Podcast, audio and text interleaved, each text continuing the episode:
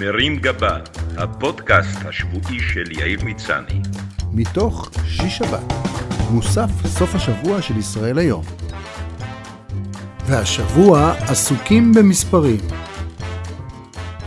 גם אני, כמו הרבה ישראלים, התמלאתי גאווה מכך שעופרה חזה הגיעה למקום ה-186 בדירוג 200 הזמרים הגדולים של כל הזמנים של המגזין Rolling Stone. עופרה שלנו התמקמה בגאון בין בוני רייט לאלישה קיז, שאינה גבר ישראלי בשם אלישה, ולפני ג'ון באז ובילי אייליש.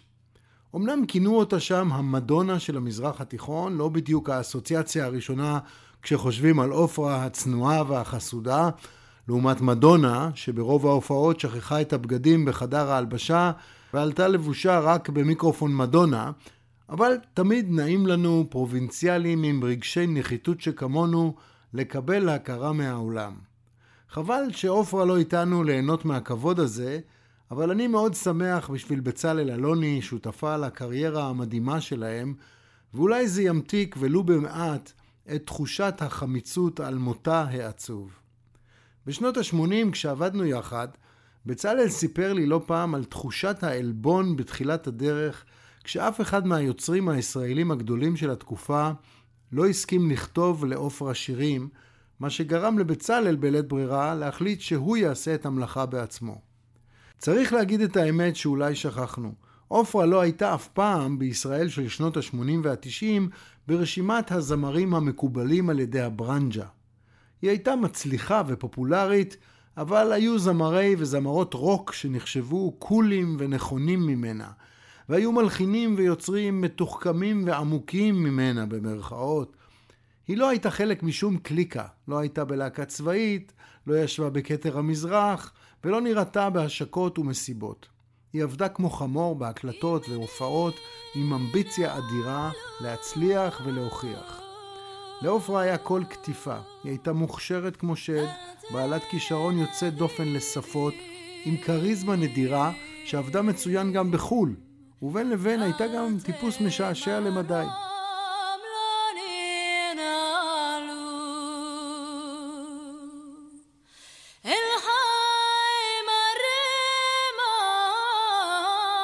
אין ספק שההכרה שעופרה קיבלה בעולם מבוססת על החלק הכי אותנטי של העשייה שלה, והוא האלבום שירי תימן, וגם הרימיקסים לגלבי ואם ננעלו, שיזהר אשדוד הפיק בגאונות, ואני השתדלתי כמה שפחות להפריע.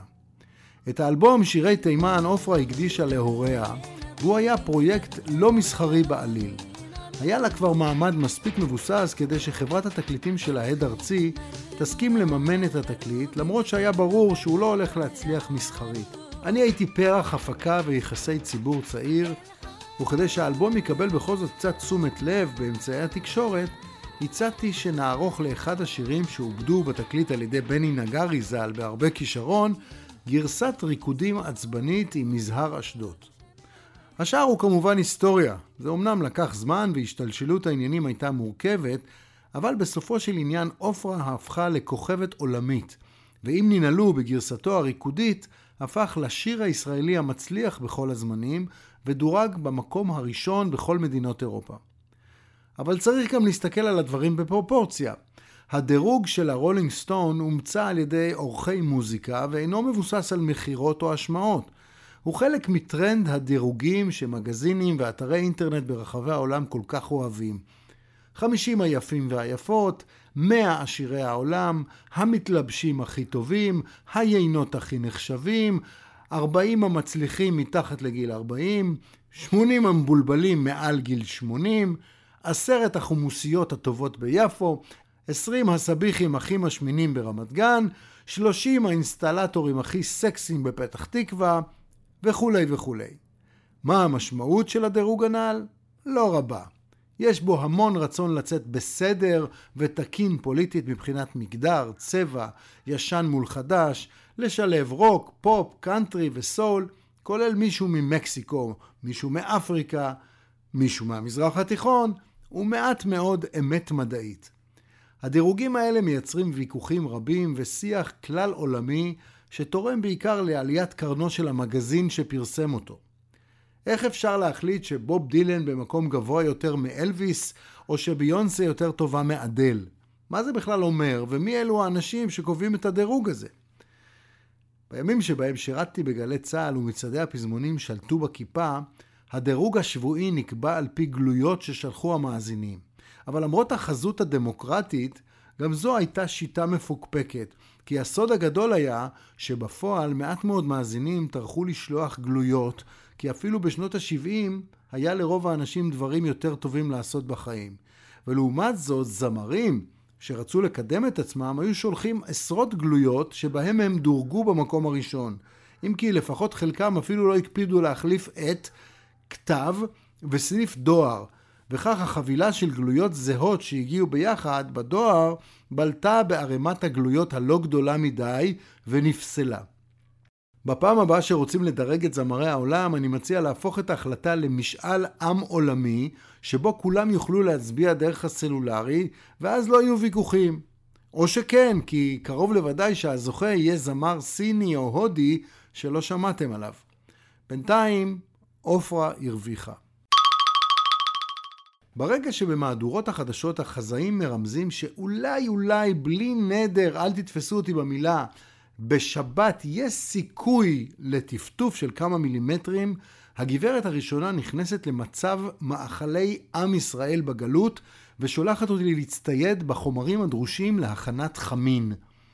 בנוסף, אני נדרש לטפס ולהביא מהארון את הסיר הייעודי שהוא כל כך גדול שכשהייתי יותר דק יכולתי גם לישון בו, כך שבשילוב עם גובהו של הארון מדובר במבצע פיזי שלא היה מבייש את הגמר של נינג'ה ישראל.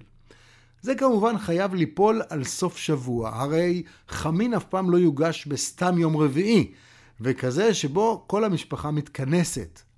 הרי לא הורדתי סיר כזה גדול בשביל פורום קטן. בניגוד לדגים, לסטייקים או לזניה שבהם אפשר לקבל הוראות מדויקות מאוד לגבי זמנים וכמויות, בחמין יש את האלמנט הבלתי צפוי המכונה בוא נראה איך יצא לי. הרי אתה אף פעם לא יודע כמה תפוחי אדמה, כמה שועית או בשר בדיוק צריך לשים, ולעולם לא תדע במדויק האם זה יצא יבש מדי, מימי מדי או אפור מדי, ולכמה אנשים זה יספיק. בכל מקרה הבית יתמלא בריח מנחם ומשפחתי, אבל המוצר עצמו, בהנחה שאתה לא נשוי לחיים כהן, עשוי להפוך לעיסה לא אטרקטיבית במיוחד, ואתה תצטער שהזמנת כל כך הרבה אורחים בשביל מנה כל כך לא מזמינה, ותחשוש שבעקבות הצ'ולנט שהכנת, המוניטין שלך כחמינאי יהיו יותר גרועים משל חמינאי האיראני. עם כל הכבוד לטעם ולריח, לצ'ולנט יש חסרונות בולטים בתחום הנראות. ובואו נודה על האמת, באף תוכנית בישול מפונפנת המתחרים לא יגישו חמין כמנה להתפאר בה ולא ינסו לצלחת או לזגג צ'ונט. במילא לחמין אין לוק מנת גמר, יותר לוק של יציקת בטון שתגמור אותך עד הערב. החמין כמו עם ישראל הוא חם, דביק, ישיר ומורכב מהרבה מרכיבים משלל תפוצות ועדות. וכמו עם ישראל, גם הוא משאיר אותך לפעמים עם קצת כאב בטן. לחמין, כמו לשיר My Way, יש המון גרסאות, וכל אחד אוהב להכין אותו על פי מוצאו ותרבותו. יש את אלו שפועלים לפי מורשת היהדות משוודיה ואיקאה, ואוהבים שכל המרכיבים מגיעים בנפרד ומורכבים עצמאית, ויש כאלה שרוצים שהכל יגיע מעורבב, ושהתוצאה תזכיר להם מריצה עם מלט.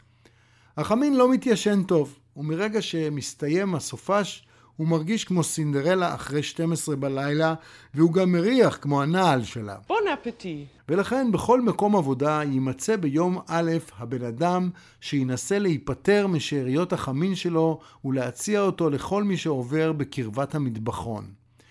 בהתחשב ב side effect של החמין, לא מדובר באקט חברי או סוציאלי במיוחד, אלא כזה שרק תופס לאחרים מקום במקרר, ומקנה ל open space במשרד ריח של ביוב בבני ברק.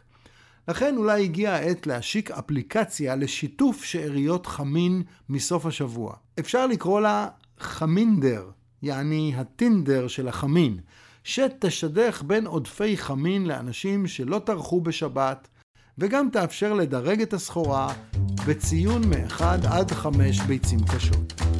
שיהיה בתיאבון לכולם.